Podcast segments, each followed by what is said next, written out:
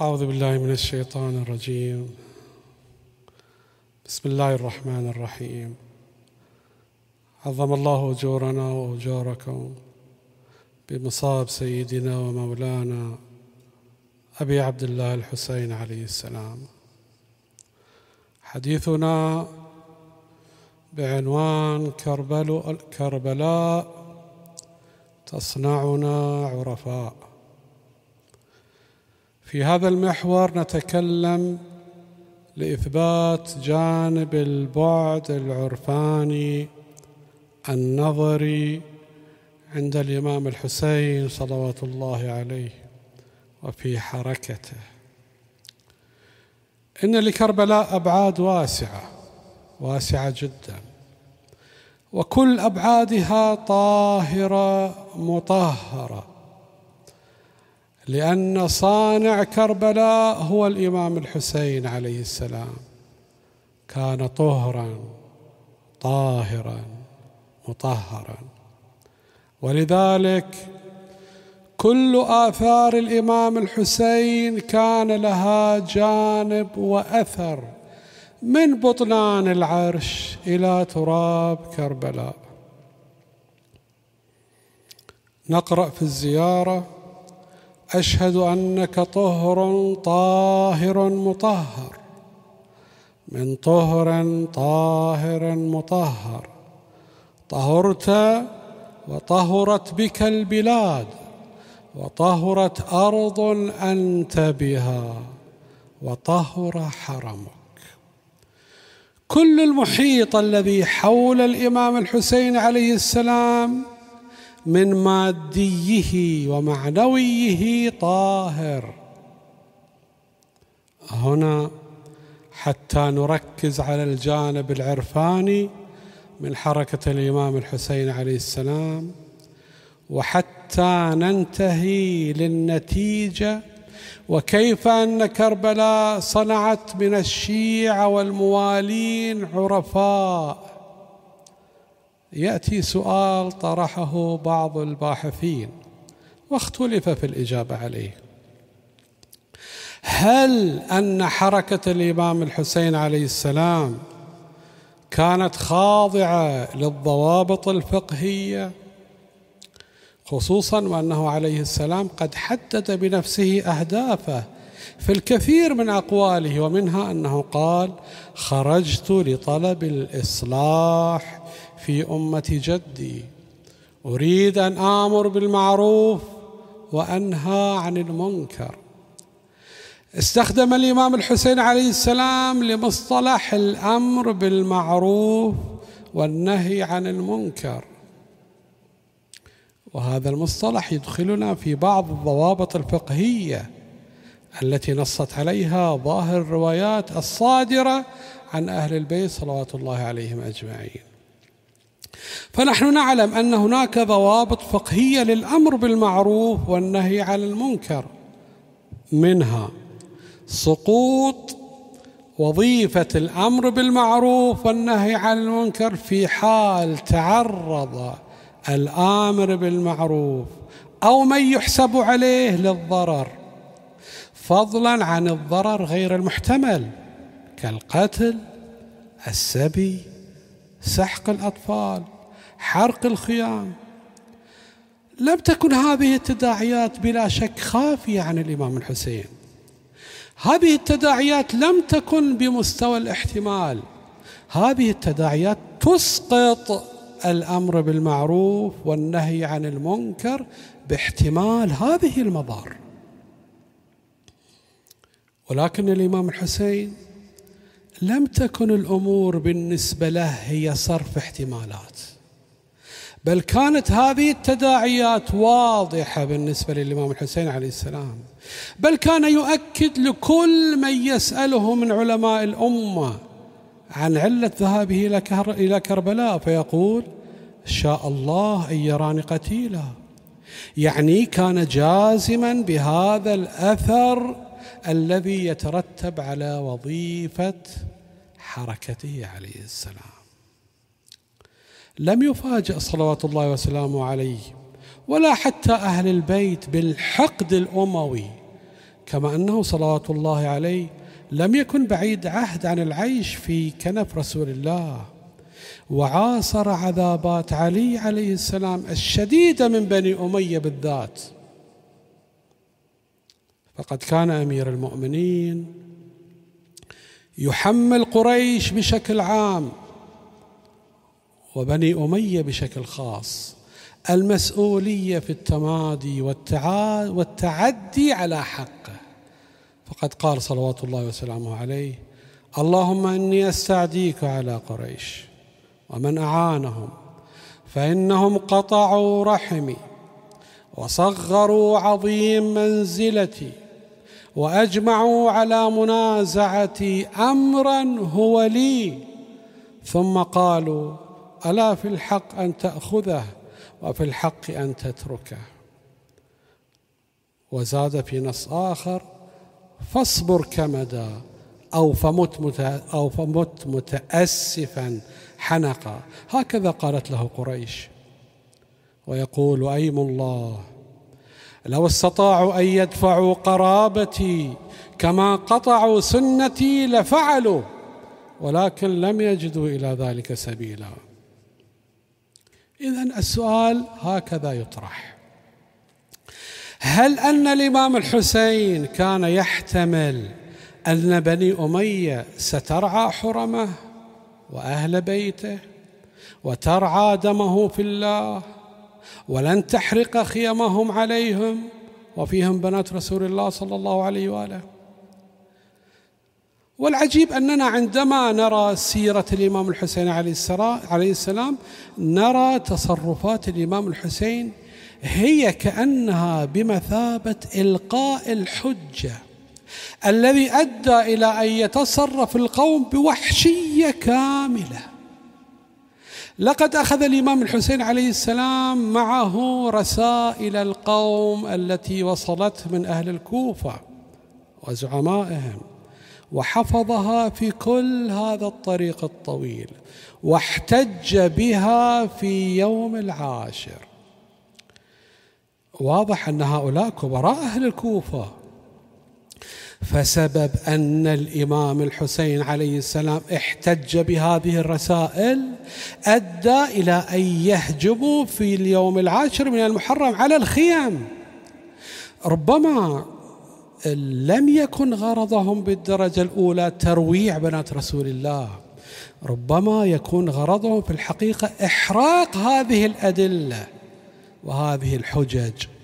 وهذه الأوراق وهذه المستندات التي ممكن أن يهددهم بها نظام بني أمية. وهذا يحدث في كثير من حركات الانقلاب. عندما يكون مستمسكات فأول أمر يعمله الطغاة حرق المستمسكات. فبحرق هذه المستمسكات استلزم أن تحرق هذه الخيم التي فيها بنات رسول الله صلى الله عليه وآله. هل كان الإمام الحسين لا يعرف هذه المعادلة؟ هل كان لا يحتمل أن نتيجة حفاظه على هذه المستندات أن يؤدي إلى ما حصل في كربلاء؟ بل كل ذلك كان يعلمه صلوات الله وسلامه عليه. إذا فما هي حقيقة الأمر؟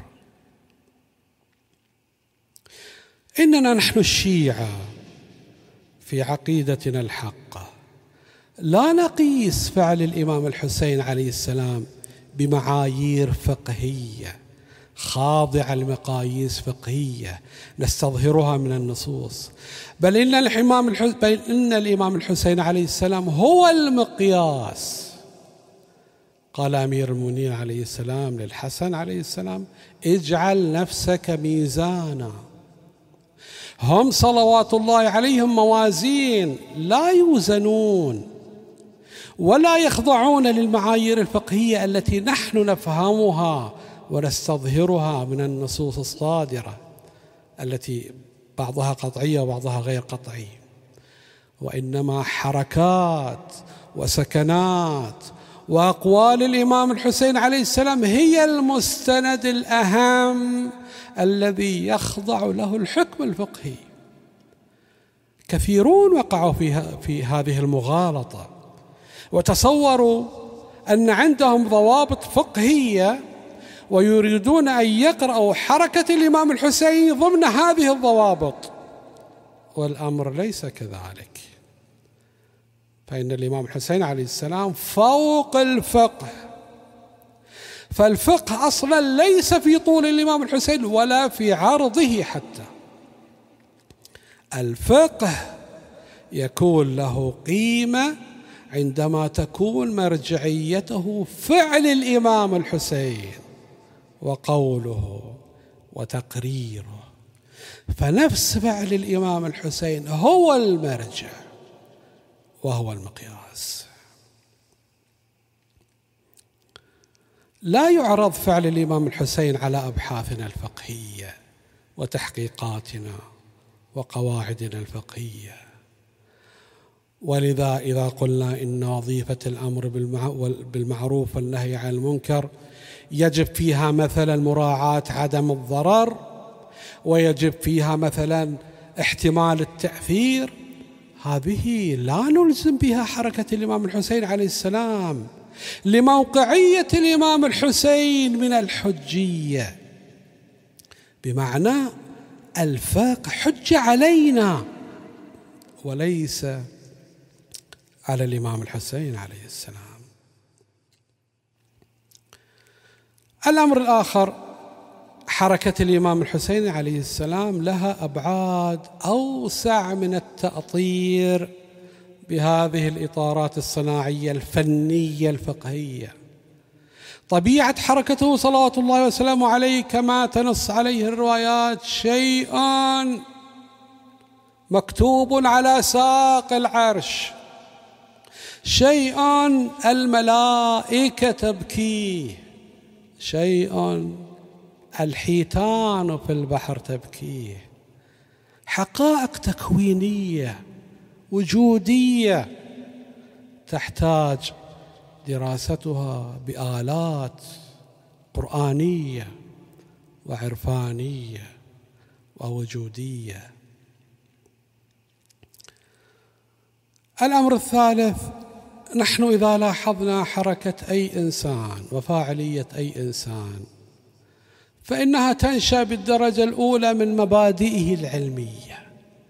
كل إنسان عندما يتحرك فإن هذه الحركة وكل أعمال الإنسان تتكئ على البعد النظري عند الإنسان علم الإنسان معرفة الإنسان. الذي يشكل النواة التي تغذي عمل الإنسان أو قولوا الماء الذي يسقي عمل الإنسان فلا يمكن أن ندرس عمل أي إنسان مجتزأ عن معارفه. فإذا كانت معارف هذا الإنسان قوية وراقية ويتمتع بأعلى مراتب العلم والمعرفة سوف تعكس هذه المعارف ارتدادات قوية على عمل الإنسان أيضا. باعتبار أن هذا الإنسان معصوم سوف يكون عمله مطابقا لعلمه. وهذا ما سوف نتكلم عنه إن شاء الله. إذا عمل الإمام الحسين عميق. علم الإمام الحسين ومعرفته ورؤيته أعلى بكثير مما ندركه.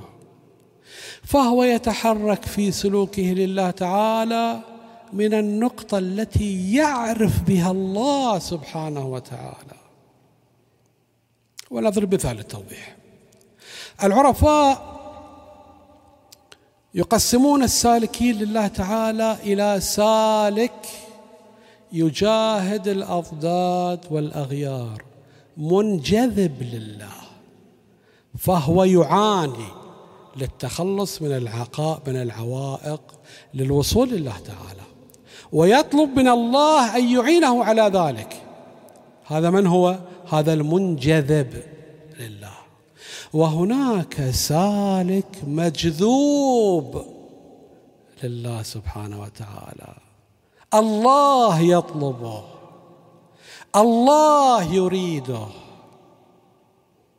هناك سالب منجذب وهناك مجذوب. لاحظوا القرآن يتكلم عن زوجة فرعون. قالت رب ابن لي عندك بيتا في الجنة. هذه من؟ آسيا زوجة فرعون. رب ابن لي عندك بيتا في الجنة. بينما نحن في زيارة أمين الله نقرأ في شأن أمير المؤمنين صلوات الله وسلامه عليه هذا المعنى. حتى دعاك الله إلى جواره فقبضك إليه باختياره وألزم أعداءك وأعداءك الحجة مع ما لك من الحجج البالغة. الفرق أن زوجة فرعون آسيا هي طلبت من الله سبحانه وتعالى أن يبني لها بيتا عنده في الجنة. وأما أمير المؤمنين صلوات الله وسلامه عليه فكانت روحه ذائبة في الله علي ممسوس في ذات الله فالله هو الذي يجذبه والله هو الذي يطلبه. وطلب الله له وجذب الله له ودعاء الله لأمير المؤمنين حتى دعاك لأن أمير المؤمنين دعا الله. الله دعا أمير المؤمنين إلى جواره فقبضه إليه باختياره. هذه حجة من أكمل الحجج في شأن أمير المؤمنين عليه السلام. فألزم أعداءك الحجة مع ما لك من الحجج البالغة. وهكذا كان الإمام الحسين عليه السلام. كان مجذوبا لله. لأنه له كامل المعرفة بالله. فالله يجذبه إليه. يدعوه إليه. ولذلك في دعاء عرفة هذا المقطع المنسوب للإمام الحسين عليه السلام. إلهي اجذبني برحمتك حتى أصل إليك. وهناك آيات تقوي هذا المعنى.